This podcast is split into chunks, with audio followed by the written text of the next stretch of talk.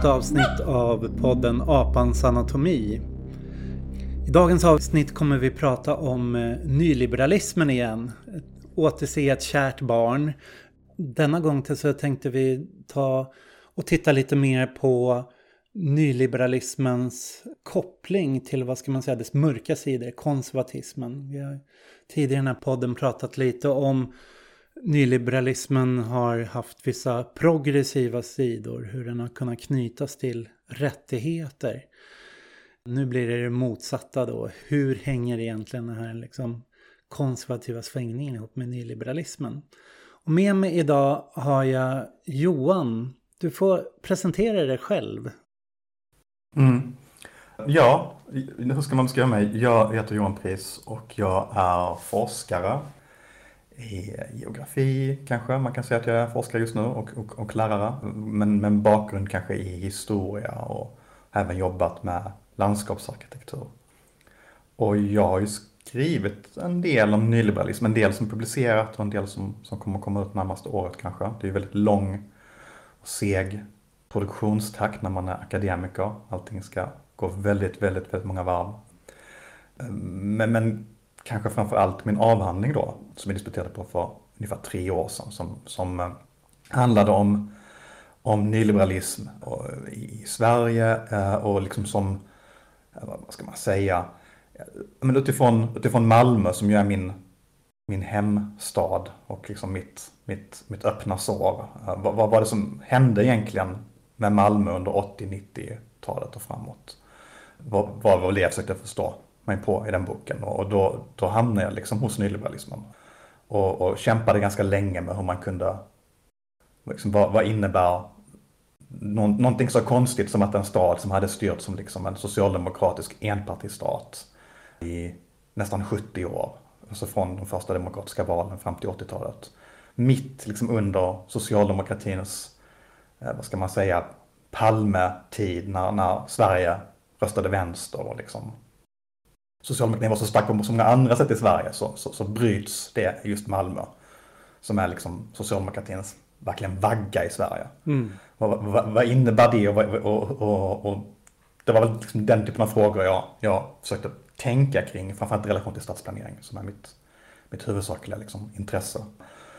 Och, och, då blev liksom nyliberalismen och, den, den enorma teoribildning som finns kring det och som har allting har vuxit fram under de senaste 20-30 åren. Som liksom jag inte kunde riktigt komma runt, kan man säga.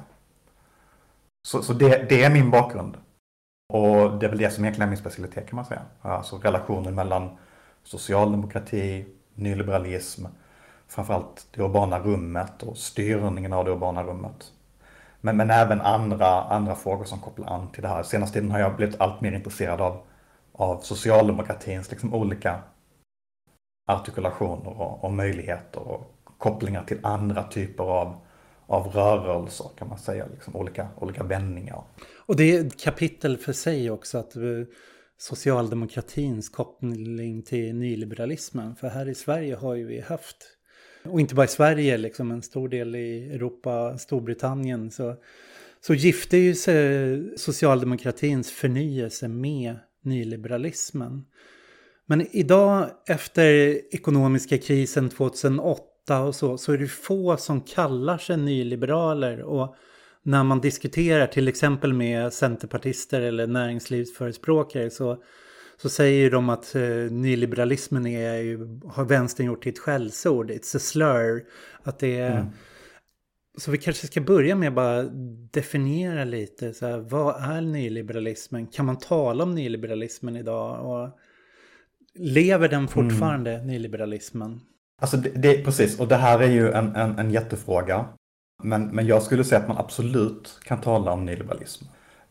På, på ett sätt tror jag att, att, att varför det är svårt att göra det är för att det, hur man än tänker på det, alltså vilket sätt man än kommer till den frågan, så, så, så finns det så många olika variationer och varianter som på olika sätt kopplar an till det man skulle kunna tala om som nyliberalism. Så, så att, att reducera till något väldigt enkelt och endimensionellt gör att man, man tappar väldigt mycket av det som blir liksom intressant och, och, och som hjälper en att förstå vad som händer. Och mm. det var väl framförallt det jag insåg med när, när jag satt där med liksom, jag är historiker så jag satt väl där med typ en halv miljon Eh, liksom, eh, JPEG-filer eh, efter, efter ett och ett halvt års liksom, eh, rotande i arkiven, hade läst alla fall i gatukontoret. Eller i alla fall liksom beskrivningar av dem under, under 30 år. Alla fall i stadsbyggnadskontoret, alla fall i kommunfullmäktige, alla fall. Och, då, och den, den modell jag gick in med är ju en modell som, som liksom är knuten till en mer marxistisk förståelse av nyliberalismen. Och, och, och, kanske David Harvey liksom på något sätt är den, är den främsta företrädaren för det. Och, och, och där, där, finns det liksom en stor poäng, men, men, men, men den grundläggande förklaringsmodellen där man ska sammanfatta det på ett väldigt konkret sätt är att nyliberalismen är i grund och botten ett, ett klassprojekt som handlar om att omvandla ett klassamhälle och återerövra makten som, som har institutionaliserats i välfärdsstaten. Eh, alltså alltså arbetarklassens inflytande över statsapparaten på och liksom olika institutionella arenor. Och bryta sönder den. Och att det i sin tur är kopplat till, till liksom marknadens ökande inflytande, nya arenor för varurelationer, kommersiella relationer och marknadsrelationer. Mm. Och detta är nog en definition som jag tror även många av de som kanske såg sig själva som nyliberaler för 10-20 år sedan på många plan skulle känna igen sig. Men jag tror också det, om man tänker på den här väldigt endimensionella, att det är, det, det, liksom det, det, är som ett, um, det är inte en binär skala nödvändigtvis, men det är en gråskala. Det är liksom mycket marknad och mycket stat. när du rör dig från det ena till det andra så förlorar du liksom. Så när du rör dig mot, mot staten mm. så förlorar du marknad. när du rör dig mot marknaden så förlorar du stat. Och, och det tror jag är det, det, är verkligen inte bara marxister som har tänkt på det som sagt, utan det är må många liberaler, och många som skulle se sig själva som nyliberaler har tänkt på det på det sättet. Men där tror jag att man verkligen missar den, den grundläggande, vad som är nytt med nyliberalismen helt enkelt. Och vad, vad nyliberalerna själva såg som nytt med nyliberalismen. Mm. Uh, och, det, och, och, det var, om man ska tänka på det historiskt, så, så om, man, om man tänker på det här under mellankrigstiden, när de här tankarna först började uttryckas. Alltså dels Eh, i Österrike, dels i Frankrike, senare kommer det komma fram i USA. Ehm, så, eh, personer som, som Hayek och, och så, så, var det ju att de, de såg att en ny stat höll på att formera sig, som höll på med ekonomisk planering och som var väldigt kopplat till det som skulle komma att kallas för samhällsplanering eller social planering, eller liksom välfärdsstaten. Och det, och det, det de sa var, vi kan inte längre bara säga marknaden är bra, entreprenören är en hjälte, jag måste använda just de orden. Eh, och, och, och, tänka på att vi ska bara släppa lös marknaden för att ingen kommer att köpa det här längre. Så när, nu när vi har demokrati som bryter igenom och drar in fler och fler människor under 20-talet.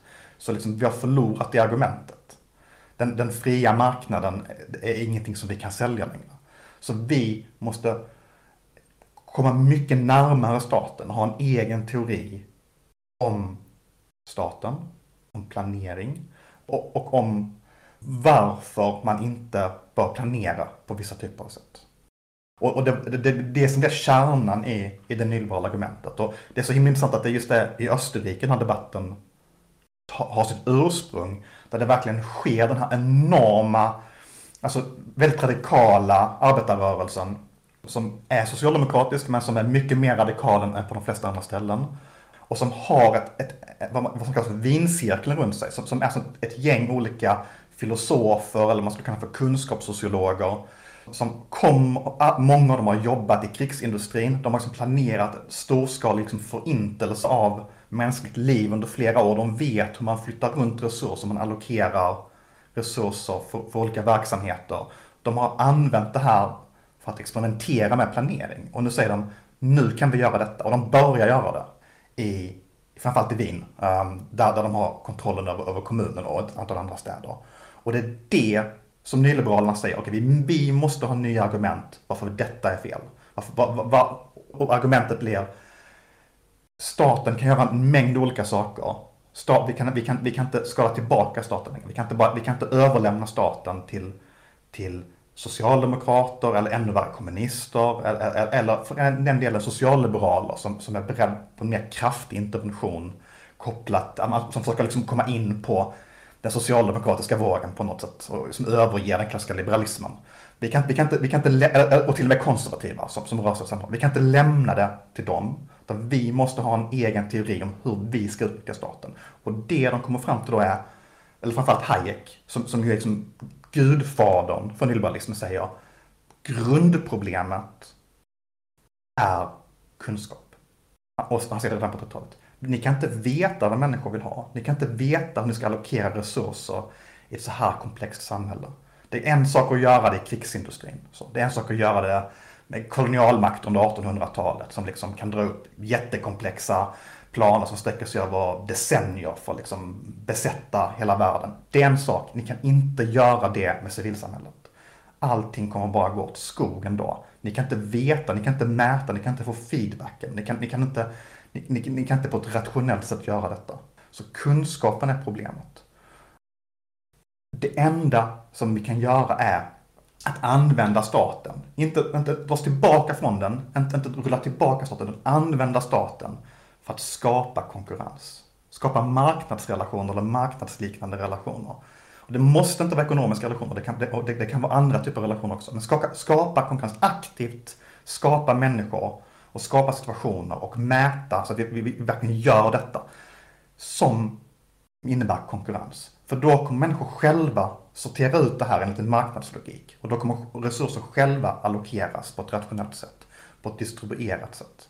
Och det är ett väldigt intressant argument på 30-talet. Alltså det, det är ett mm. väldigt komplext argument och mycket, mycket annorlunda argument än man tänker den här liksom Ofta man, man har pratat med nyliberaler, kanske framförallt före finanskrisen, så, så var det nästan som en religiös övertygelse. Att det fanns liksom en, en, en, en, en halleluja-stämning. Men Hayek är mycket mer pessimistisk. Ja, och det är också intressant då i och med att många nyliberaler när man diskuterar sätter ju alltid upp den här motsatsen, polariseringen då, som mellan stat och marknad. Du, du måste rulla mm. tillbaka staten för att släppa marknaden fri. Men här är ju ett mycket mer interventionistiskt perspektiv, att staten ska användas för att skapa marknad.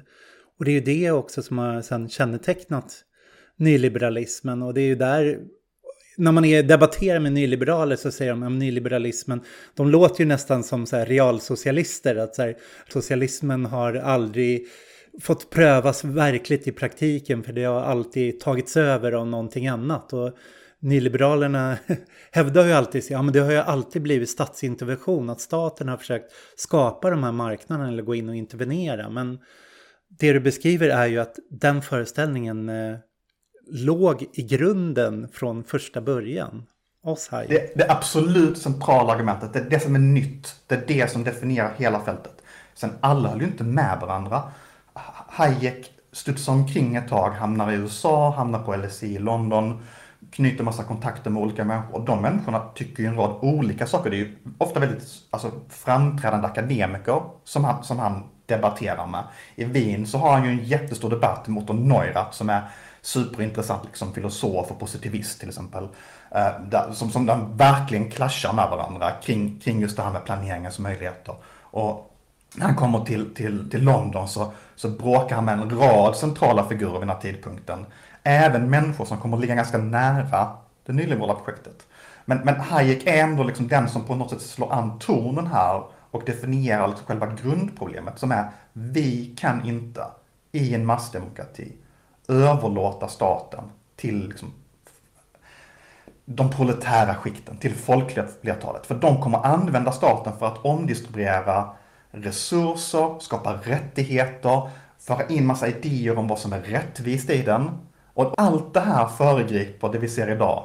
Alltså, vem ska få tillgång till vad? Ja, men vad händer om, om massa människor som, som inte borde ha tillgång till det får tillgång till det? Som är ovärdiga på olika sätt. Vad, vad händer när, när vi måste ha en, ett konsensus kring vad som är rättvisa? Ja, då kommer massa människor skrika högt som små barn tills, tills deras idé om vad rättvisa är.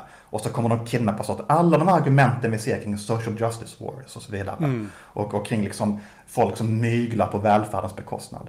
Det är inte så att de härstammar från Hayek, alltså det, så. Men, men allt det, allt det finns, låt oss säga, latent i det argumentet som, som Hayek föreslår och som sen det blir ett jättesamtal med, med många väldigt, alltså, och det här är väldigt viktigt, många av människorna är liksom genuint intressanta och nyfikna och intelligenta personer. Det är lätt att bara avfärda dem. Det här är liksom bara som en sekt. De tror att marknaden är bra, allting annat är dåligt. Ja, kanske i tredje generationens, fjärde generationens nyliberaler ser vi det. Men de här människorna, de, Hayek är lite av ett undantag för att han, han blev uppmärksammad framförallt i USA och, och, och Readers Digest trycker hans, hans stora verk på, på eh, är det 44 eller något sånt. Eh, The Road to de i 4 miljoner exemplar och så vidare. Men, men, men förutom, förutom Hayek så, de flesta av människorna liksom får kämpa ganska hårt i motvind. Alltså detta är ju perioden när välfärdsstaten, till och med på ställen som i USA, håller på att byggas upp, eller något som skulle kunna bli en välfärdsstat som liknar det som händer i Europa i alla fall. Och i Europa så är det ju verkligen så att det är välfärdsstatens frammarsch. I tredje världen så är det man kallar för um, developmental state, alltså en extremt protektionistisk stat som kommer ur, ur den postkoloniala situationen. Och så har vi såklart hela östblocket och sen, och sen Kina och så vidare. Va? Så att det här är människor som, som inte känner att de vinner argumentet, utan de måste verkligen kämpa väldigt hårt med att, med att ta fram de allra starkaste argument de kan, de, kan, de kan hitta. Och anstränga sig väldigt hårt för att göra det. Så det måste man också ha i åtanke att de är värda att ta på allvar de här tänkarna. Att de, mm. de kommer någonting nytt. Det är inte 1800-talets tolkning av Adam Smith, det är någonting annat.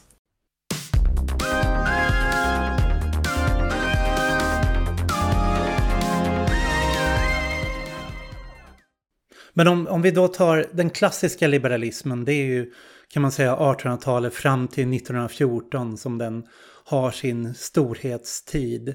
Och sen eh, kommer de båda världskrigen med sin form av eh, krigsplanerad ekonomi som krävs. Och så återuppbyggnadsfasen efter andra världskriget, Marshallhjälpen och då också socialdemokratins, kan man säga, guldålder. Och precis som du sa i USA pågår New Deal, så även länder där det inte är en stark arbetarrörelse eller vänster så pågår välfärdsprojekt. Och vi har liksom keynesianismen som, som slår igenom. Så då, då är nyliberalismen, det är främst kring eh, tankesmedjor och diskussionsklubbar. Och det är liksom en slags eh, liberal underground-rörelse kan man prata om. De har ju det här Mont Pelerin Society som bildas 1947 som, som blir en eh, viktig, den fanns väl redan innan men då formaliseras den som en slags diskussionsklubb. Så, så när går det då från de här eh, tankesmedjorna, diskussionsklubbarna till att faktiskt börja tillämpas och prövas? Mm. Och, och, det här är ju helt fel fråga att fråga en historiker om man ska ha en relativt kort ja, podcast. Men om, om vi ska ta det narrativet som till exempel David Harvey har, som, som det finns liksom, de flesta skulle, skulle, skulle ändå liksom kunna så gå med på stora bitar av det. Så är det framför allt New York. Så, New York är, New York och Chile, uh, Santiago de Chile, är, är, är de två nyckelstäderna för nyliberalismens genombrott. Och New York är ju det som verkligen liknar den skandinaviska välfärdsstaten. Det är en stad, en stat, stor som, som en, en, en mindre europeisk nation. Ungefär Sveriges storlek, kanske lite större. Uh, och som har byggt upp en enorm välfärdsinfrastruktur uh, under 40, 50 och 60-talet. Uh, eh, och, och, och som, som, skakas av de här finansiella kriserna under 60-talet. Och där president Ford framförallt och liksom människorna runt honom och hans liksom, ekonomiska team är knutna, framförallt hans, hans, hans, hans ekonomiska rådgivare, säger så här, här har vi chansen, här kan vi testa det som liksom vi har blivit uppvuxna med kring våra mentorer på typ Chicago University eller Virginia Tech eller vad det nu är. Här kan vi testa detta som ett fullskaleexperiment. Uh, eh, om vi vägrar dem pengar och ställer alltså den typen av krav som man, man så till exempel ställdes på Grekland nu för ungefär tio år sedan från trojkan. Den, den modellen uppfinns där. Um, och sen förfinas den året efter i Chile. För Pinochet var ju inte nyliberal, utan Pinochet hade ju som inga direkta idéer om hur en, hur en ekonomi eller ett samhälle skulle styras, mer än att han ogillade socialism. Och han, han, i de första åren så vet inte han alls vad han ska göra utan liksom det bara tuffar på. Det finns redan jättemycket nationaliserade industrier redan före agendet och det är 150 av de största företagen är statligt ägda redan när Allende tar över. Så Chile blev den, liksom den andra fullskalstestet kan man säga. Och sen kommer Reagan som, som på en del sätt inte kan liksom fullfölja detta på, på nationell skala även om det sker vissa försök. För att det är liksom en väldigt turbulent tid. Det är också kalla kriget når liksom en ny nivå. Man behöver skapa konsensus kring det. Så man kan liksom inte smula sönder folks liv på vilket sätt som helst. 1981 som Reagan väl blir president. Och det skulle kunna stämma, precis. Så, så, det, så det sker saker under, under Reagan och Thatcher-åren då framförallt.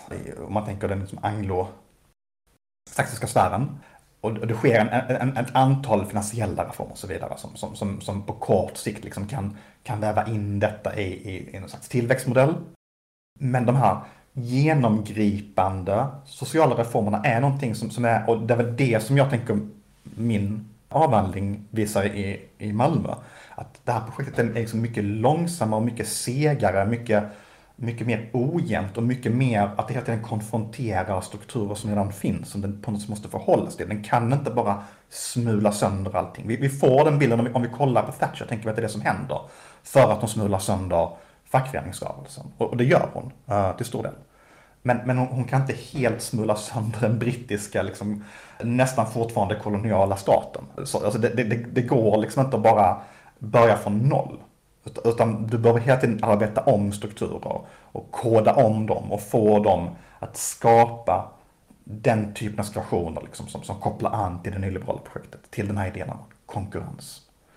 Nu kom ju nyligen en författare som både du och jag är väldigt förtjusta i, Wendy Brown. Hon kom ju med den här boken Into the Ruins och hon har ju skrivit många böcker om nyliberalismen. Men det hon gör där i Into the Ruins är att hon eh, beskriver två sätt från vänster kan man säga att analysera nyliberalismen. Du har den som hon kallar nymarxistiska traditionen där Harvey är liksom en av de främsta kanske kännetecknarna som beskriver nyliberalismen. Och sen har vi Foucault som i slutet av 70-talet håller sin eh, uppsättning eh, föreläsningar om eh, förändringarna in. Han kallar det för den omprogrammerandet av liberalismen. De två debatterna, vad är det som eh, de tar fasta på för olika bitar? Mm. Nej, alltså, jag, jag, det, det, finns ju helt klart en poäng i Harveys argument. Det, det, är helt klart någonting som sker samtidigt och kopplat till nyliberalismen och som inte är en helt slumpmässig bieffekt av den är ju att det, sker liksom en, en omorganisering av, av klassintressen av, och att det, det, det sker liksom en förskjutning i, i makt mellan olika, olika grupper i samhället. Och det, alltså det, det är ju så uppenbart idag bara att man ser den här typen av finansiellt kapital, liksom plattformskapitalism som vi, som vi ser som liksom, ja men vad är det, vad är det liksom, hur många hundra miljarder har de här topp 1% rikaste som äger alla de här techbolagen och så vidare. På bara det senaste året är ju hisnande summor. Så, så det, det är ju uppenbarligen kopplat till, det är, det är inte pengar från ingenstans utan det är pengar som på något sätt är kopplat till nya relationer liksom i, i folks sociala verklighet, på arbetsplatsen, i relation till vad man äger och lånar på och så vidare. Så den biten tar ju marxisterna fasta på och det är ju någonting som sammanfaller med, i viss mån bär fram, i viss mån kommer ur det nyliberala projektet och, och, och, och, som helt klart är någonting som de här människorna, de, de, de, må, många av dem är ju väldigt, till exempel Hayek då igen, fientligt inställda till, till liksom en organiserad arbetarklass. Så det är klart att de vill bryta sönder, bryta sönder det eh, projektet. Så. Eh, Medan då Foucault Foucault är väldigt knepig, alltså på det sättet är han ju inte speciellt knepig, men, men just när det gäller nyliberalism så, så, så börjar han flera gånger liksom skriva om nyliberalism eller framförallt föreläsa om det, men kommer liksom aldrig riktigt till skott. Så att, att han ska liksom börja med en bakgrund och sen så tar liksom de här tolv föreläsningarna slut. Liksom. Men det man kan säga med, med, med Foucault, liksom den dörren han öppnar för är ju dels den här idén om att tänka på att, på att um, nyliberalism är kopplat till till ett, ett, större modernt projekt. Att det, det, det, sker liksom inget, inget tydligt brott i att, alltså, många skulle säga att Foucault liksom är postmodern, eller många kanske inte, men, men vissa människor skulle säga att Foucault är postmodern. Men, men här, här blir det väldigt tydligt att han situerar nyliberalismen inom ett, liksom en kontinuitet av modernitet och, och, och liksom det här är styrning. Det här, det, här, det här är liksom sätt att försöka rationellt kalkylera ut effekter men i ett väldigt komplext system. Det är därför han är så intresserad av det. Här är någon som ställer upp ett helt nytt problem för modern styrning. Alltså hur kan vi, hur kan vi verkligen väga in den här enorma komplexiteten människor emellan och ändå få effekter som vi är intresserade av. Vi kanske inte kan få precis den här, den här typen av fördelningseffekt, men, men till exempel då en fördelningseffekt som, som undergräver en organiserad arbetarklass är ju helt klart någonting som många nyliberaler är ute efter för och som de kan styra sig till genom då eh, institutioner som, som, som, är kopplade till staten. Så, så det, det, är ju inte någonting som bara är rent slump, alltså det är inte bara låt komplexiteten vara, utan det, det är ett sätt att hantera komplexitet, att styra igenom komplexitet, att styra igenom de här marknadsrelationerna.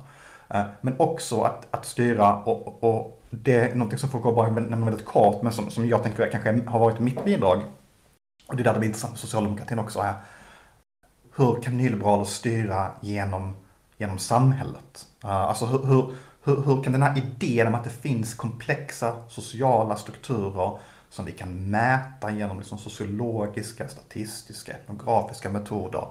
Hur kan vi intervenera i dem för att öka konkurrenskraften? Hur, hur kan, som, som, om man tar exemplet Malmö då. Malmö satte på 80-talet upp idén om att vi håller på att förlora ett demografiskt krig med våra villaförorter. Det här, det här är de uttalade nyliberalerna på 80-talet kring Joakim Ollén.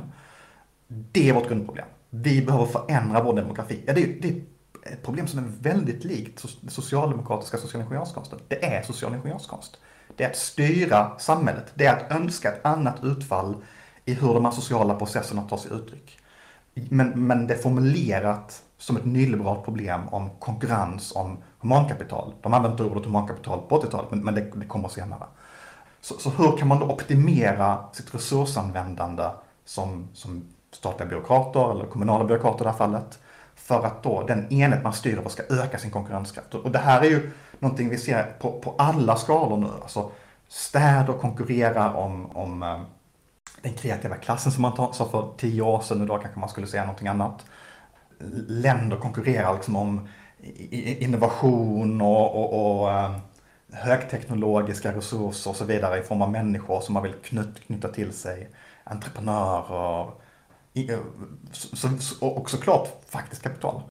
Och, och, och, till och med hela block konkurrerar om det här. Man det, det, och det, här, det här blir ju verkligen intressant att, att man kollar på en karaktär som Steve Bannon som ofta får representera liksom, här är den, den konservativa, nationalistiska högern som ska tala för arbetarklassens intressen i USA. Så, så, så, så det är ju i viss mån sant, så får man ju ge det.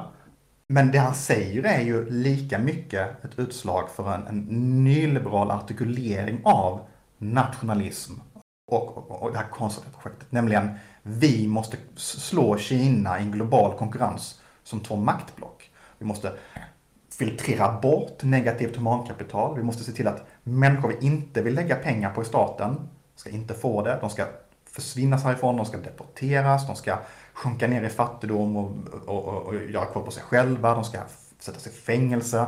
De ska sättas in i väldigt hårda, liksom, um, vad ska man säga, med hårt reglerat arbete på olika sätt och liksom få igång dem, tvinga igång dem, disciplinera dem.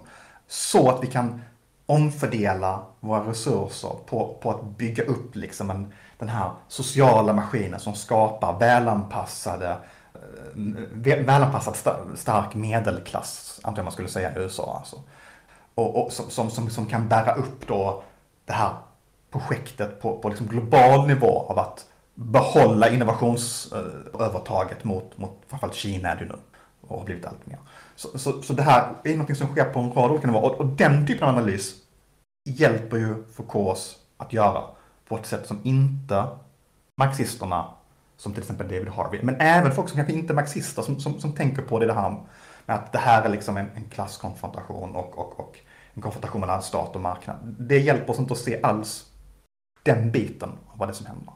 Ja, och då när man går in som Foucault diskuterar de här styrningsteknikerna som då används så handlar det ju också om hur staten ska verka för eh, att skapa ekonomisk konkurrens, skapa den här marknaden, verka ekonomiserande men också hur den där styrningen, alltså entreprenören som ideal liksom ska gå in i de mänskliga subjekten, skapade här homo economicus, konkurrerande människor, humankapital, liksom där vi konkurrerar med varandra.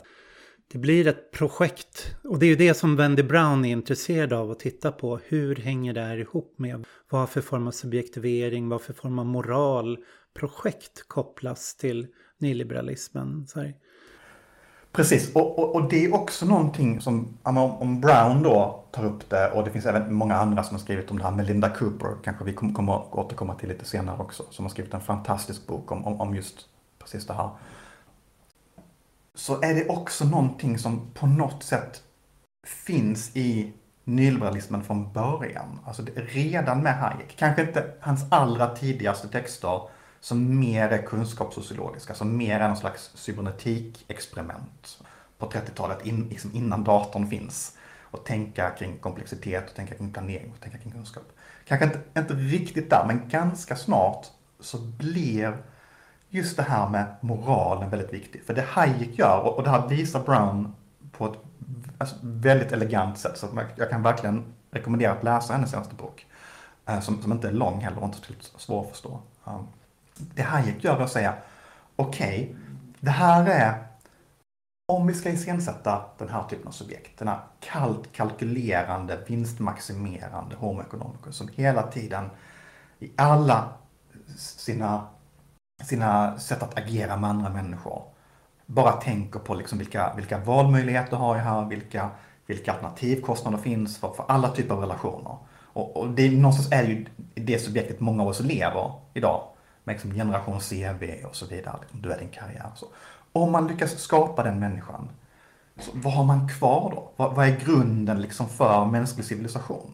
Det, det här är, som, som Weber talade om strax tidigare, det här är ett, ett, ett, ett sätt som en, en instrument, instrumentell rationalitet som, som, som vinner liksom över och upplöser traditionella uttryck för gemenskap. Eh, traditionella uttryck kan aldrig överleva en, en instrumentell rationalitet menar Weber ungefär. Och det förstår Hayek, för Hayek är inte dum. Och då säger han, hur ska vi balansera upp det här? Ja, vi kan inte göra det med staten. Vi kan inte, vi kan inte göra det genom att väva in folk i en politisk gemenskap. Då måste vi ge dem någonting. Då måste vi ge dem ett löfte om rättvisa som de kan förverkliga genom den politiska... Och det vill vi absolut inte göra. Det är det som är själva grundproblemet. Att alla de här människorna kommer och ställer massa krav som olika institutioner alltså i och runt staten ska tillgodose. Det är grundproblemet, det är det vi inte vill ha. Så hur ska vi då motbalansera den här liksom totala upplösningen av subjektet in i de här relationerna? Och det här är ju någonting som, en problemställning som, som på många sätt föregriper faktiska postmoderna argument på 70-talet. Alltså det är en, en slags värdenihilism som man kan se hos, i alla fall glimta till hos de här som faktiskt i alla fall under korta perioder såg sig själva som en del av en postmodern intellektuell rörelse som Baudrillard och så vidare. Så, så, så, det här är en extremt pessimistisk syn, en extremt nihilistisk syn på, på människan. Samtidigt som du, Hayek kommer, och inte, och inte bara Hayek utan människorna runt omkring honom, människorna som han, han försöker bygga upp en rörelse med, kommer ju ur en elit som ses som civilisationens liksom, bärare på något sätt. Så vad han balanserar upp det med och, vad, och, och det som de facto kommer få jättestort genomslag liksom andra generationens nyliberaler som börjar liksom experimentera med policy, komma liksom med, med konkreta förslag och så vidare. Kring liksom welfare reform till exempel i USA. Det är, okej, okay, vi har individen som är homo economicus som vi försöker skapa och vi balanserar upp den med tradition. Det är tradition är nedärvd kunskap, det är situerad kunskap som kommer från det förflutna, som upprätthålls i tradition. Så traditionen är det som väger upp den här totala nihilismen. Vi, vi, kan inte falla tillbaka på staten, vi kan inte falla tillbaka på det politiska, vi måste falla tillbaka på traditionen. Familjen, tron, kyrkan, traditionella värderingar. Allt detta finns redan från början, eller inte från allra första början, men väldigt tidigt i nyliberalismen, som en grundläggande idé om vad, hur ett samhälle ska regleras. Och det är också därför man kan, alltså när man rustar ner välfärdsstaten så ser man kyrkor kommer in och tar funktioner. Det är liksom inte ett så ojsan, hur gick det här till? Utan det är liksom från början poängen att det ska bli så och det visar Melinda Cooper om, i, i den här boken. Att från början så är detta tanken. Att du reducerar alla relationer till någonting som liknar ekonomiska relationer. Alltså den ekonomiska människans rationellt kalkylerande om fördelar i alla typer av situationer. Och sen balanserar du upp det med traditionen, nedärvd från det förflutna. Och då, då, skulle man kunna säga, aha, nu har jag dig, herr nyliberal, Mr Hayek. Vänta nu här, tänker du inte på att traditioner konserverar gamla maktrelationer? Uh, you're cancelled Hayek, så här typ. Du, det här kan, vad, vad hände med den vita maktstrukturen? Vad hände med patriarkatet? Vad hände med eh, homosocialitet? Vad hände med, med, med, med kärnfamiljen? Nej, nej, det är poängen. Det, det är själva grund, den grundläggande poängen. Är att det gillar vi. Det, det är därifrån de människorna kommer. Det, det är det de har istället för en politisk gemenskap där olika idéer kan stötas och blötas. Olika visioner om vad man vill kan få konfronteras med varandra politiskt.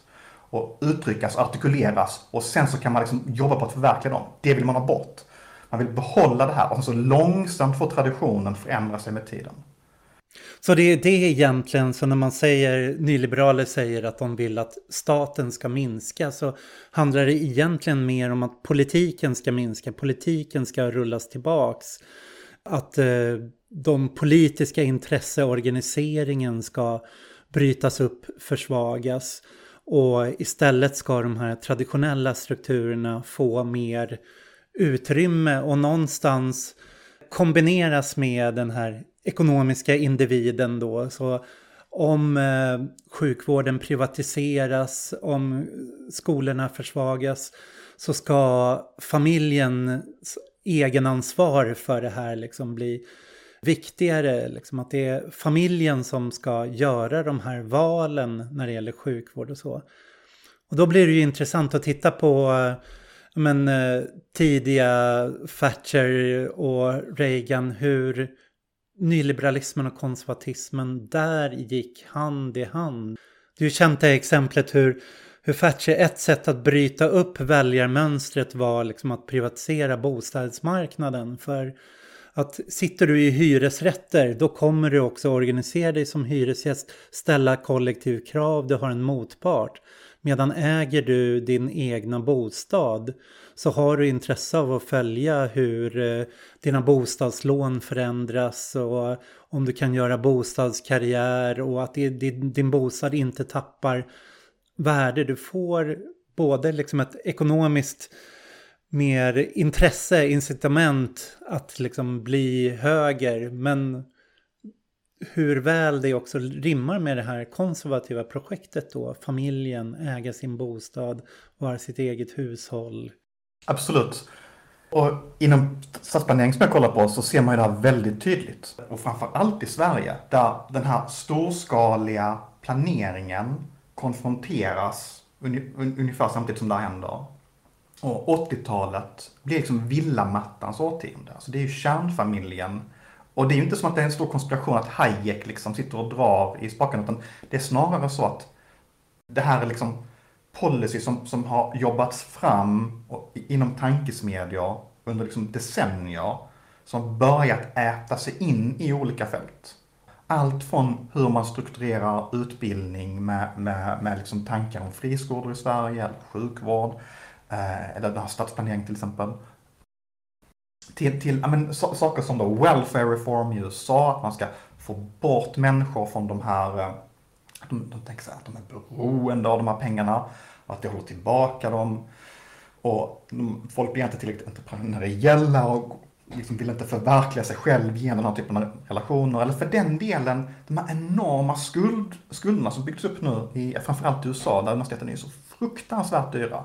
Där, där liksom människor, jag, jag har kollegor som så här har pluggat, som, som doktorerat liksom. Som, som i Sverige är en betald tjänst. Det har inte alltid varit det, men, men, men ändå ett tag har det varit hyggligt reglerat liksom som, som någon slags tjänst. Så. Medan min, kollegor min ålder är så här, de är liksom 40, har 2 miljoner i studieskulder fastän de liksom har jobbat 10 år på en avhandling på ett toppuniversitet och de kommer aldrig kunna betala igen det. Och, och det är bara liksom ett utfall. Och det är ju med för att det här blir ett sätt att du ska själv bära ansvaret för det här. Du och din familj ska ta det här ansvaret. För det kommer liksom göra att ni, det, det kommer hjälpa er att agera på rätt sätt i relation till de här olika möjligheterna jag står inför. Och sen så liksom, den, den hjälp man får, den får man i de här traditionella nätverken. Och det här blir också lite viktigt om man tänker relation på, på liksom vad politiskt står på spel idag, tänker jag. Att när många människor är liksom väldigt chockerade över liksom MAGA-shaman och, och, vad det nu kan tänkas vara. Um, Trump-högern och, och diverse galningar. Så, så man tänker, men de här människorna har, har ju väldigt mycket gemensamt med mig som nyliberal ideolog på Timbro, men ändå så är den väldigt främmande för mig. Så då får, då, då får man ju tänka att det här kanske ska liksom vara ett tillfälle för, ja men precis som vänstern liksom haft en, en lång period av självrannsakan, åtminstone sedan 80-talet i alla fall. Liksom. Och, och, de som kanske var lite smartare kanske tidigare då, eh, framförallt i relation till Sovjet och, och så vidare. Så. Och även folk som kanske inte på något sätt hade någon koppling till Sovjet som var anarkister har ju liksom brytt sig om det här. Ja, nu var det årsdagen för Kronstadtrevolten ja, häromdagen. Liksom. Och redan där så kommer ju liksom, det är en fundamental kritik av liksom den framväxande Sovjetstaten som blev väldigt viktig i stora delar av Europas vänster, liksom redan för hundra år sedan. Så om man, här tycker jag att det hade varit liksom klädsamt med ett visst mått av ödmjukhet. Att istället säga, nej men det här är något helt annorlunda, det här är galningar, det här är virrpannor, det här är det Trump har förändrat allt. Eh, eller liksom det är finanskrisens fel, eller det kanske till och med Bernie Sanders fel, eller det kanske är det är, liksom, det är Jimmy Åkessons fel, eller det är Postmodernismens. Eh, det är postmodernisternas fel. Så tycker jag ändå att, liksom att i alla fall folk som eh, har betalt för att vara liksom av, av, av, av oss alla genom skattesedeln för att vara tänkare kring det här.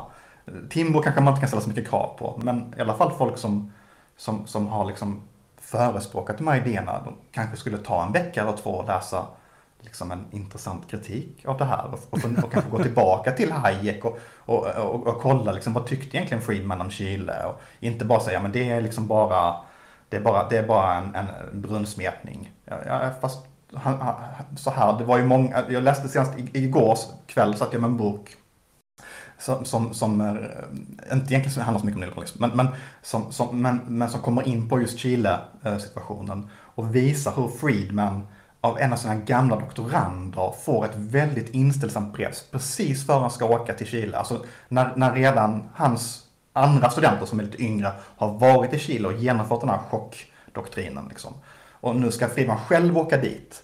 Och han har uttalat sig positivt om, om, om, om Pinochet, men, men även i viss mån kritiskt. Liksom, så. Men, men så, så, skriver den här gamla doktoranden då, jag var på, jag var på din middag, eh, det som, som du, du arrangerade med det här samtalet, och du var så lysande och, du, det, var, och det var så fantastiskt. Och sen så liksom längst ner, men jag tycker verkligen inte att du ska åka till Chile. Alltså, är, är det verkligen någonting som vi kan som vi kan ställa upp på. Liksom, vi som är liberaler, vi som företräder liksom, fredsideal. Så, så det, det, har ju funnits människor som har sett det här och som funderat på det här.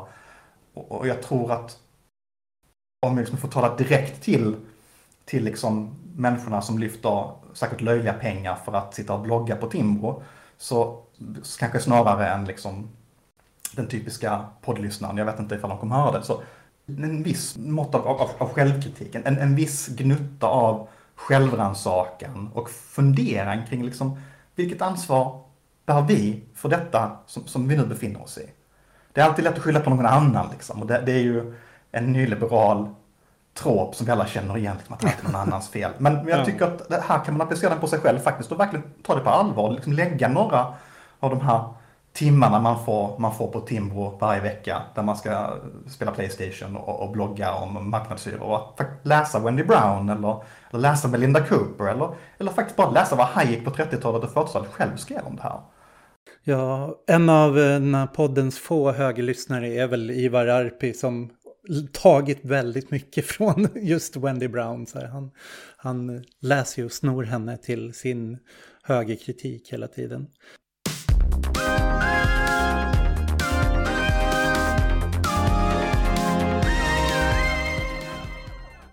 Men för att göra hoppet från eh, Ivar Arpi till eh, personer i mjukisbyxor eller mjukisbyxhögen. så eh, Du och jag började prata lite om att göra den här podden häromdagen för att idag när vi spelar in så är det tisdag 9 mars och i lördag så hölls en demonstration av coronaförnekare kanske man kan kalla dem det. Alltså folk som vill avsluta alla former av restriktioner som har med pandemibekämpning att göra. De vill att man ska sluta vaccinera och säga att det är skrämsel. Det här är liksom mer en eh, statlig styrning som håller på att ta form. En, eller en global styrning. Och jag, jag gick och tittade på den där demonstrationen och sen så satt jag och tittade på den förening som har bildats av de här Frihet Sverige. Och insåg att alla är ju entreprenörer. De är, alla jobbar inom någon form av eh, alternativ sjukvård, hälsa, yoga, eh, olika former av nyandliga rörelser som där i den här nyanliga new age-svängen så att man kanske kan se på 70-talet att det var kopplat till någon så här vänster mot kultur, åka till Indien och finna sig själv. Men under 80-talet och 90-talet så kom det ju bli mycket mer så här personutvecklingskurser i så här andlig utveckling, hur du liksom stärks som individ och du ska betala olika kurser, åka till kursgården Ängsbacka och liksom förbättra sig. Och det här har kommit att gifta sig också bli en slags här, nyliberalismens religion på ett sätt, den här nyandligheten. Att det är du vårdar dig själv som humankapital, inte bara genom att intellektuellt bilda dig eller liksom bli, skaffa dig mer skills för en arbetsmarknad. Utan även att du så spirituellt ska, ska lyfta dig själv. Liksom. Att tänka på din kropp som ditt tempel, din hälsa. Så att de som driver det här är, det är liksom en slags, slags andliga entreprenörers uppror bakom det. Men när man tittar och går tillbaks lite och tittar på deras, eh, de här personerna så innan eh, corona så var det ju klimatfrågan som de alla rasade över och det är lite så samma föreställning i hur de ser på pandemibekämpningen som klimatfrågan. Att de ser att här kommer globalisterna, det kommer ett stort globalt eh, system via FN, via World Economic Forum, via olika multinationella aktörer som försöker eh, styra om till en slags eh, världsomställning där de ska utjämna vissa... För att ta itu med de här stora problemen som klimatfrågan och pandemin och på så sätt eh, i de här mest extrema konspirativa varianterna så går ju den här globala sammanslutningen, eliten, de, det är de som försöker införa socialism eller kommunism på ett globalt plan.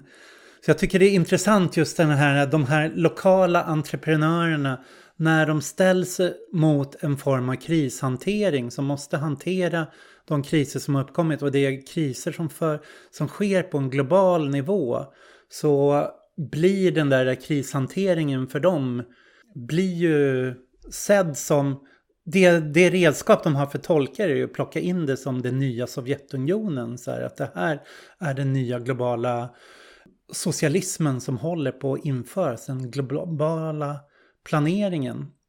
Och där skiljer ju sig det här då, deras kritik av globalisterna från Harvey och globaliseringsrörelsen när vi åkte runt och protesterade mot de här globala toppmötena så såg vi ju de här globala institutionerna. Det var, det var de som genomförde den här globala marknaden. De här, eh, såg till att eh, produktion och kapitalflöden kunde flyta fritt.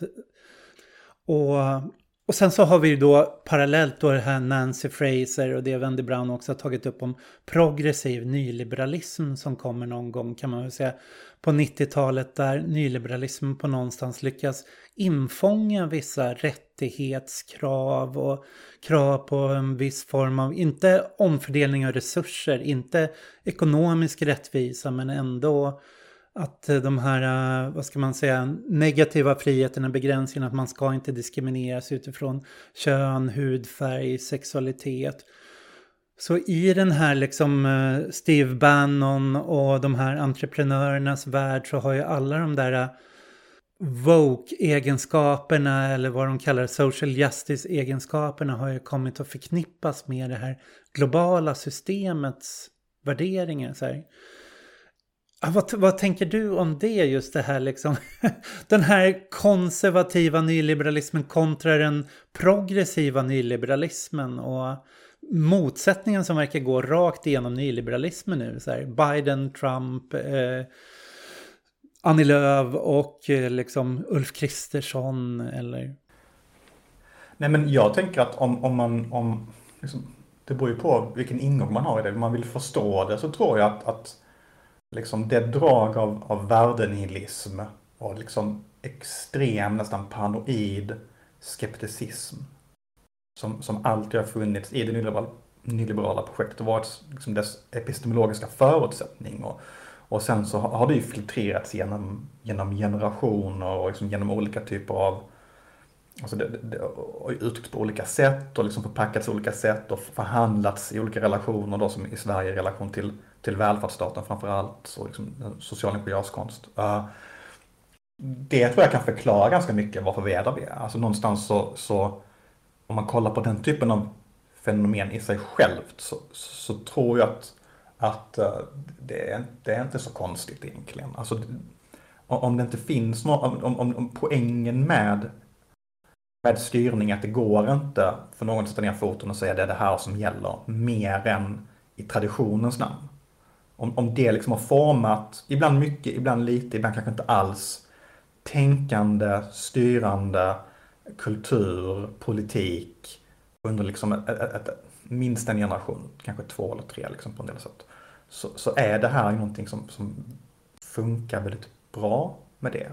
Och, och det, väldigt tidigt i hippierörelsen så finns det den här typen av kopplingar till, till saker som, som blir en del av nyliberalismens utrullande. Fred Turner har skrivit en jättebra bok som jag förstår är den som Alexander Bard har byggt hela sin karriär på att plagiera. Uh, som handlar om Silicon Valley och liksom entreprenörskulten kring, uh, vad är det, Whole Foods Catalog. Liksom, ja, Californian Ideology, hela den. Precis. Så, så, så, det finns liksom väldigt tidigt i, även i hur det här tar sig kulturellt uttryck. Alltså från, från grunden i hippierörelsen så finns det en sån tendens. Sen är inte det den enda tendensen utan den hämtar ju upp också upp från, från andra saker och slår an på andra saker. Så, så det tror jag man bara vill förstå. Det. Om man däremot liksom vill göra någonting åt det.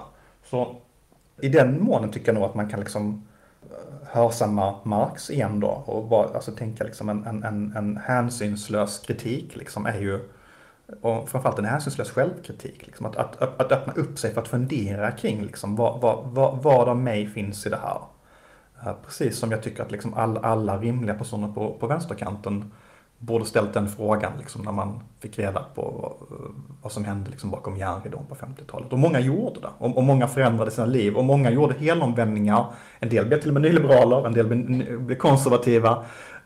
En del byggde den nya vänstern en, en del liksom gav sig, eh, vigde resten av sitt liv mot så här. Alltså det, det, så här, 56 blir ju liksom en, en chock för den, liksom den kommunistiska och även andra delar av vänstern helt ärligt talat som inte var knutna till Sovjet. Liksom. Så hur fan kunde vi låta det här hända? Och, och den typen av tänkande hade jag ju gärna liksom den typen av samtal hade jag gärna varit en del av känner jag. För att jag, jag tänker att det är många människor som har jävligt mycket goda intentioner liksom. Och, och som helt ärligt, alltså, jag tror inte jag och Eva Arp är så himla annorlunda på en del sätt. Liksom. Varför, så här, varför skulle inte vi kunna ha ett intelligent samtal om, om, om det här?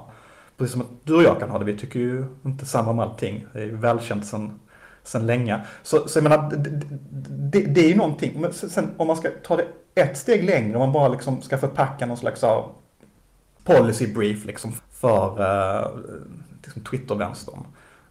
liksom någon slags toolkit. Så tänk att det centrala problemet här är ju frihet. Alltså det är ju så. Det är ju det som har varit nyliberalismens löfte mot slutanvändaren från början. Alltså redan på 60-talet så är det det som är förpackningen. Det är det som är, som är, som är liksom ens utopi på något sätt. Det är ju frihet. Alltså allting, och, och då, då tror jag att många har känt att ja, men, låt dem ha frihet och vi kan ha jämlikhet. Så. Och det tror jag är helt fel väg att gå och har varit helt fel väg att gå om man känner att det här är en rörelse man liksom vill, vill motarbeta eller liksom ta, ta mark ifrån. Utan då tror jag, om det är någonting vänster måste göra idag, och det här kan vara liksom socialdemokratisk vänster, det kan vara syndikalister, det kan vara inte minst anarkister kanske, det kan vara marxister. Det äga frihetsbegreppet och framförallt peta det jävla såret för nyliberalerna. För deras frihetsbegrepp, och igen, Brown visar det här på ett så utsökt sätt, deras frihetsbegrepp är så himla tunt. Det är, det är en rent nihilistisk, gör som du vill och ställ dig som en jävla bebis och börja gråta och slänga leksakerna av vagnen om du inte får som du vill. Och folk har gjort sig lustiga över de här Trump-demonstranterna liksom som, som, som ja ah, men vi gjorde en revolution och blev pepparsprayade. Jo tack, liksom. Ja okej, okay, men kan, man kan skratta åt det liksom. Men, men det är ju liksom, det är essensen av deras frihetsbegrepp. Mm. Köpa vad jag vill, begära vad jag vill, ingen annan spelar någon roll. Jag, jag, jag, jag, jag. Det, det finns liksom inget utrymme för en politik och gemensamma begär och, och, kritik och att bryta olika idéer mot varandra. Det finns ingenting på spel att göra det. Det, finns, det spelar inte någon roll i diskussionerna för att allting avgörs ändå liksom i vem som kan, vem, hur flest val görs i distribuerat system av enskilda personer vars begär kan liksom manipuleras av logaritmen.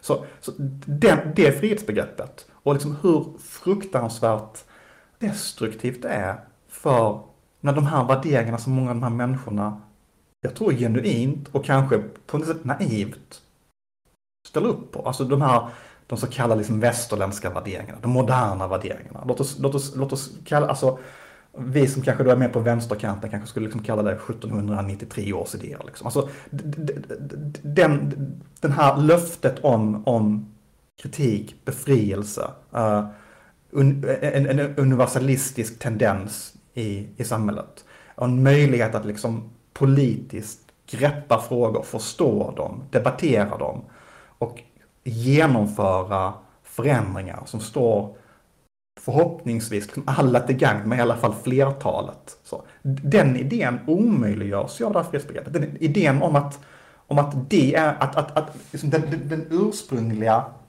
artikulationen av frihet i, i det moderna är just den här idén av att medborgarna kommer samman och agerar på ett sätt som skapar frihet. Att frihet är inte någonting som du gör inne i dig själv. Frihet är inte en känsla.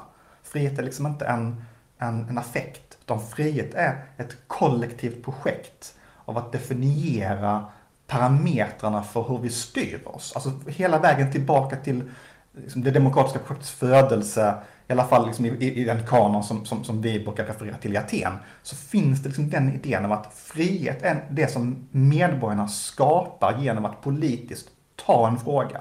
Och det finns alltid något hotfullt i det. Det finns alltid liksom en, en, en annan frihet som ställs mot den. Om, om det då är liksom i Rom så tänker man att friheten då blir, alltså medborgarna får göra vad, vad de vill för sig själva liksom i, i sin domus, i sitt hem. Och, och medan då proletärerna Eh, inte kan liksom välja sin tribun och så vidare och, och, och inte storma. Liksom. Men, men, men jag, jag, tror att den idén om, om, om frihet som ett kollektivt projekt som, som möjliggör befrielse, som, som möjliggör att upplösa strukturer som, som håller tillbaka människor och, och, och skapa liksom något kollektivt ur det. Ett, ett, ett gemensamt projekt som, som ligger i, liksom in, i i total konflikt med nyliberalismen, men som finns i det liberala. Som finns som, som, som, som någonting som hemsöker liberal modernitet och som, och som hela tiden liksom utmanas och som hela tiden förvägras en massa människor, men som ändå finns där som ett ideal. Och som, som framförallt finns där liksom den mer republikanska idén om, om, om folket som, som kan konstituera eh, liksom, den demokratiska situationen. Det tror jag är, är liksom, där har du, där, just precis där har du nyckelspänningen kring det här. Och, och där tänker jag att där är det många människor som de faktiskt tänkte fem minuter på detta. Kanske skulle vara lite mindre benägna om de liksom inte, om, om, om, om de liksom inte, beroende på hur lättköpta de är. För helt ärligt, många människor skulle, alltså, de skulle ju inte kunna få ett jobb någon annanstans än på Timbro. Men, men de som skulle kunna få det, så. De som kanske skulle kunna få ett jobb i alla fall på typ Folkpartiet, att de finns inte heller, men Centern då. Så alltså, så mm. här. de människorna, tänker jag, och, och, och jag kanske skulle rösta på dem eller vad som helst. De, de tänker jag, eh, de går att vinna. Så. Precis ja. som det gick att vinna massa vänstermänniskor på 80-talet. Man bara sa, men titta på det här nu. Här, är, här är liksom ett problem. Lös det här problemet. Square this circle. Så. Det, det, är, det, det är cirkeln som, som de inte kan göra en rektangel av. Det är ja. frihet.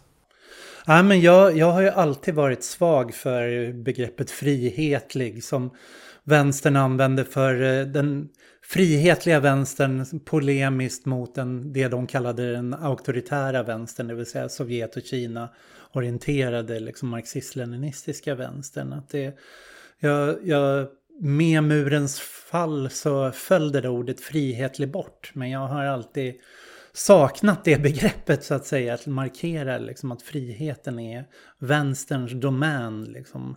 Att eh, det är någonting vi måste kämpa för.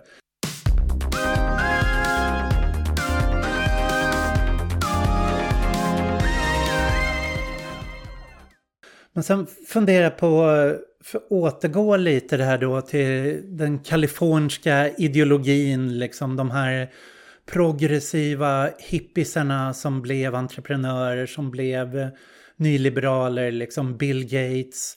De hade ju ändå med sig en eh, rad värderingar som ändå var Även, de var nyandliga men de bar också på liksom en del progressiva idéer. Medan de värderingar som vad man ska se den här äh, konservativa nyliberalismen idag som det är ingen slump att de hade så här, frihet och sanning var deras paroller liksom för, för den här demonstrationen i lördag. Så att de, de lyfte ju också väldigt mycket, alltså frihetsbegreppet är ju centralt även, inte bara liksom för, för äh, progressiva nyliberaler utan även för den här konservativa nyliberalerna liksom lyfter det som sitt och där de ser varje form av, eh, vad ska man säga, samhällelig planering, samhällelig intervention, eh, samhällelig försök att hantera kriser som, som det mest auktoritära hotet mot eh, friheten. Och jag, jag tänker lite så här, hos Marx så finns det i i första banden när han skriver om arbetarnas rättigheter. Han, arbetarklassen är ju inte så närvarande i Marx-kapitalet men där den bryter in när han skriver till exempel om kampen om arbetsdagen så är det ju lite att det uppstår en allians mellan arbetarrörelsen som vill få åtta timmars arbetsdag, få bort barnarbete eh, från, eh, från de här tidiga liksom, brittiska manufakturerna och där uppstår en motsättning mellan det individuella kapitalet, de enskilda företagarna och totalkapitalet. Alltså totalkapitalets behov av att liksom värna reproduktionen av arbetarklassen. Så att det var alltså på totalkapitalets nivå, liksom genom riksdagen och genom de här kollektiva intressena som man satte så här arbetsregleringar eh, och kom att införa de här. Och det, det är lite nu samma sak nu med så här, de institutioner nyliberalismen skapade för att skapa den här frihandeln och så har nu också behövt hantera liksom globala upprorsvågor, globala flyktingströmmar, global klimatförstörelse, global pandemi. Och på den där totalkapitalets liksom som nu globala nivå så behöver de hantera det genom någon form av global planering. Och ur den enskilda kapitalistens, ur den enskilda entreprenörens nivå så kommer det här vara samma hot som, eh, som socialismen då. Att det kommer en planering som trots att det är för att rädda kapitalet eller rädda nyliberalismen för ta koll på sig själv eller liksom ta koll på ja, humankapitalet så, så kommer de se att de kommer kämpa med näbbar och klor. Och det, på ett sätt känner jag att vi är fast däremellan. Liksom. Vi är, om friheten står på ena sidan och behovet till en eh, Eh, planering och lösa vissa kriser finns på den andra sidan. Men ingen, det är inte vår planering och det är inte vår frihet som de förespråkar. Men eh, vårt utrymme är så trängt däremellan som vänster. mellan de här två. Vad ska man säga, det nyliberala inbördeskriget. På ett sätt. Eller ja, total, total nyliberalismen och den eh, enskilda nyliberalismen. Så här, entreprenörs konservativa nyliberalismen. Ja, och, och då, då, jag tänker att man kan tänka olika vägar ut ur det. Ett argument som finns är ju att liksom jobba inifrån nyliberalismen. Jag, alltså, ibland, ibland så är jag väldigt skeptisk till det, men, men det är ju också någonting väldigt, alltså som historiker så är det ju väldigt lockande. Om man, om man nu tänker, man ska vara pragmatiker i fem sekunder och tänka att välfärdsstaten på det stora var någonting bra. Bara liksom bara så här, ja men det var ändå en möjlighet att, att, att göra en hel del saker som mm. det var bra för ganska mycket människor. Så om man liksom bara lämnade vid det, så, så, är det ju uppenbarligen så att den kommer inte, alltså det, det är ju inte liksom, de stora socialdemokratiska partierna som sitter i 50 år och kuckelerar ut om de ska bygga en välfärdsstat. Tvärt emot så är de ju väldigt skeptiska till en välfärdsstat. Eh, uh, SPD är ju jätteskeptisk i, i Tyskland till, till, till socialpolitik. Utan det är ju socialpolitik som, som är liksom en, en slags despotisk expertelit kopplat till framför allt det liberala projektet under 1800-talet. Som tänker ut... Hantera de saker. farliga klasserna. Ja, hantera de farliga klasserna men även bara så här, alltså, filantroper som är så här, jag bygger en fabrik för 2000 järnarbetare på franska landsbygden och jag bygger en fabriksstad och den ska se ut så här för det tror jag är bra. Eller liksom en rad olika, alltså den, typen av liksom Eh, vi är 40 studenter, eh, eller det kanske de inte var då, men, ja, men vi är 40 ungdomar från liksom, överklassen i Chicago, i den här miljonstaden som kom från ingenstans. Nu ska vi bygga ett hus där vi ska bo tillsammans med så här hemlösa arbetare eh, och så här tycka och känna massa grejer och sen så får vi liksom Nobels fredspris för vår, våra innovationer och socialpolitik liksom på, på 2000-talet någon gång. Alltså, det, det var ju den typen av liksom praktisk erfarenhet som inte så mycket var i staten heller helt utan som var framförallt kring liksom olika enskilda initiativ som, som man, man kunde luta sig mot, som man kunde liksom omarbeta. Så, så det tror jag inte är, och, och det, det, var ju ett jävla projekt att omarbeta det och det är ju intressant med den svenska välfärdsstaten, det är ju det jag brukar säga till mina studenter att linjen liksom Möller-Myrdal är ju linjen mellan en radikal version av den gamla penalistiska liberala idén om socialpolitik som är till för att framförallt uppfostra och en, en, ny idé som kommer liksom ur arbetarklassen, som kommer ur en personlig erfarenhet av, av att stå med mössan i hand och liksom se folk svälta ihjäl och se folk liksom gå under i sjukdomar som hade gått att bota runt omkring sig.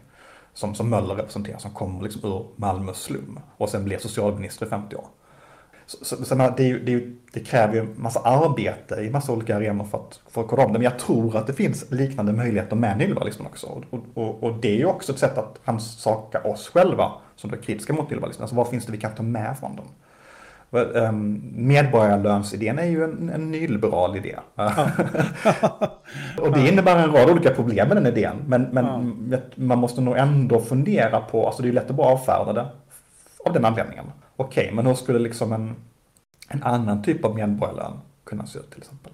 Eller humankapitalidén är ju en nyliberal idé, att du ska sortera framförallt statliga men även filantropiska investeringar för att få mest return on investment liksom, på, på pengarna. Du ska få mest humankapital ut. Ja, då måste du ju bränna massa människor som har negativt humankapital och du får väldigt lite tillbaka för de pengarna du, du lägger på dem. Och det är exakt den typen av logiken som ligger bakom, ja, tillsammans med rasism, fängelseboomen i USA på 70 80-talet. Alltså det är ju Cox och diverse tankesmedjor, Cato Institute och så vidare, som uttryckligen, och, som är övertygade, religiöst övertygade nyliberaler, liksom, som, som, som, som, som de finansierar de här tankesmedjorna, som har just det här argumentet med att vi måste isolera negativt humankapital från resten av samhället och förvara det så billigt som möjligt. I princip, vi kan, vi kan liksom inte vi, vi, kan inte bara ha ihjäl de människorna. Vi kan inte bara låta dem svälta ihjäl för att det är för kostsamt. Så vi, vi stoppar in dem i fängelse. Så, uh, så det är ju en väldigt mörk teori det låter väldigt fint humankapital. Nu ska vi vårda vårt human, men det är en väldigt mörk teori. För vad gör det med de man inte ska vårda? Men går det att tänka, går det att ta, alltså det har ju också varit en väldigt produktiv teknologi för styrning. Alltså inte bara då de här fruktansvärda sakerna som, som fängelseboomen, men liksom hur, ja men för att ta mitt fält planering, då hur man tänker på hur man ska skapa platser som, som tilltalar grupper på ett väldigt djupt sätt, liksom genom estetiska interventioner. Ja men Kanske skulle man kunna lära sig någonting av det. Så kanske skulle man kunna bygga någonting på den typen av fragment ur nyliberalismen som man, som man, som man lyfter ur. precis som, som välfärdsstaten byggdes på fragment av, av filantropisk social styrning från, från 1800-talet som, som, som liksom liberaler hade eh, och penalistiska och, och, och utilitaristiska liberaler hade, hade liksom utvecklat. Men det kräver ju ett, ett, ett, ett, tänka på det på ett seriöst sätt och experimentera med det. Men, men det, det är ju en väg framåt man kan tänka sig. En annan väg är väl mer att tänka att ja, men det här liksom nu, det, det, det, det här kommer gå under under vikten av sin egen motsättning. Alltså det, jag önskar att det hade varit så, jag har svårt att se det hända. Men, men i viss mån så, så, är det väl så att det är ju väldigt stora motsättningar för det här systemet att hantera. Och motsättningar som det är väldigt dåligt byggt för att hantera på, på en rad olika plan. När allt man har är liksom sänka räntor och, och, och liksom ök, öka BNP-produktionen och, och, och liksom öka hetsen man känner av sina bolån och sina studielån och, och privatisera mer. Alltså det, det, det kommer ju inte skapa ett stabilare system de sakerna är det väl få människor som tänker på lång sikt. Så tänk, kanske får man vara lite pessimist där och bara tänka att det kommer att bli värre och sen kanske det kan bli bättre. Um, man får liksom organisera de, de konflikterna som, som, som kommer ur det på olika sätt. Med. Ja, men som till exempel i USA så ser man skuld, skuldsattas rörelse som, som startar upp till exempel. Och så. Ja, det öppnar ju många vägar framåt. Och framförallt, vi publicerade i Brand för många år sedan en text av eh, Free Association av eh, Keir Milburn och flera som hade skrivit om zombieliberalismen där de menar att eh, nyliberalismen 2008 om man kan säga att den dog så lever den fortfarande vidare som zombie. Och det de menade med policyn lever ju kvar. Sättet att bedriva liksom, eh, statlig styrning att eh, uh, lever vidare. Men den har läng inte längre något löfte att ge. Att nyliberalismens eh, under både dess progressiva fas och installeringsfas så, så kunde du ju alltid du kunde vifta med friheten och du kunde vifta med att du kanske inte har möjlighet att få eh, högre lön men du har möjlighet genom belåning kunna köpa dig din bostad, köpa dig din bil, köpa din, eh, din platt-tv och få ett bättre liv på det sättet. Och där kunde man eh, någonstans lova en ljusare framtid för de människorna som, som levde under nyliberalismen. Men det löftet finns inte kvar på samma sätt den framtidstron har nyliberalismen tappat och friheten har blivit ett mycket liksom tommare begrepp för dem nu. Det är inte en, den här materiella välståndet eller tryggheten det handlar om längre utan istället är det ju en väldigt så här rädslodriven konservativ höger som oroas hela tiden att friheten är någonting som är konstant hotat och på väg att tas ifrån dem av eh, organiserad kriminalitet, av invandrargäng, av eh, global överstatlig politik, av klimatpolitik. Så att den där friheten är, alltså det är ju en paranoid rädsla som driver deras projekt just nu. Inte en så här optimistisk framtidstro. Den är väl där vi måste sno, liksom, eller skapa. Om man ska avsluta med bara någonting så Innebär inte det då att förutom för de grupper som inte har något val, som har sin, sina bolån och som det är liksom det finns ingen väg ut. Så. Allt de kan göra är hoppas på, på att husen blir dyrare. Liksom. Men för alla andra människor, och det kanske inte är så många, jag vet inte, men för alla andra människor, för alla de som, som där löftet var det viktiga, där liksom utopin och där... Om, om, om, om det inte finns liksom kulturellt kött på de benen. Om det inte finns någon textur i, i, i det argumentet. Om det liksom inte finns några detaljer som kan slå an hos en och som kan ha resonans med en. Om det, liksom, om det känns tomt och mörkt och ensamt. Och allt du kan få är rädsla, rädsla, rädsla, paranoia, paranoia, paranoia, paranoia. Och frihet står i mitten av det. Är det liksom inte dags att, att, att verkligen säga då, ja men vi kan leverera bättre frihet?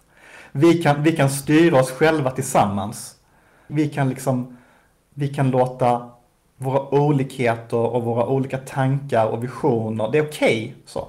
Det är okej, okay, släpp taget. Vi, vi, kan bråka om de här sakerna, det är lugnt. Så, så här, eh, vi kan ha den här debatten. Vi kan ha den här, vi kan ha den här diskussionen om vad vi vill göra med, med, med den här planeten och med våra liv. Och det kan vara det vi gör. Så.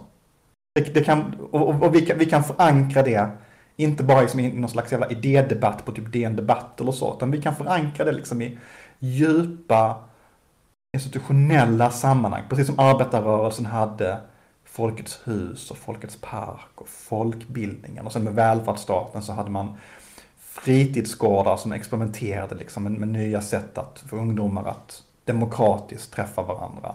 Man hade massa nya nya typer av offentliga rum. Man hade enorma bidrag till föreningslivet för att liksom dra igång platsen för en djupare demokratisk process och liksom en möjlighet att välja att utveckla sig själv med andra människor på många olika sätt. Alltså om, om man kan ge det löftet som någonting som är väldigt konkret och platsbundet och kopplat till människors liksom liv och vardag och begär och bädda in det i ett kollektivt löfte om att tillsammans så kan vi trots alla svårigheter vi har som vi måste konfrontera om vi inte bara dröjer kvar inne i oss själva så, så kan, vi, kan vi styra oss själva. Kan vi vara fria tillsammans. Det tror jag. Det, det, det tror jag liksom är vägen framåt.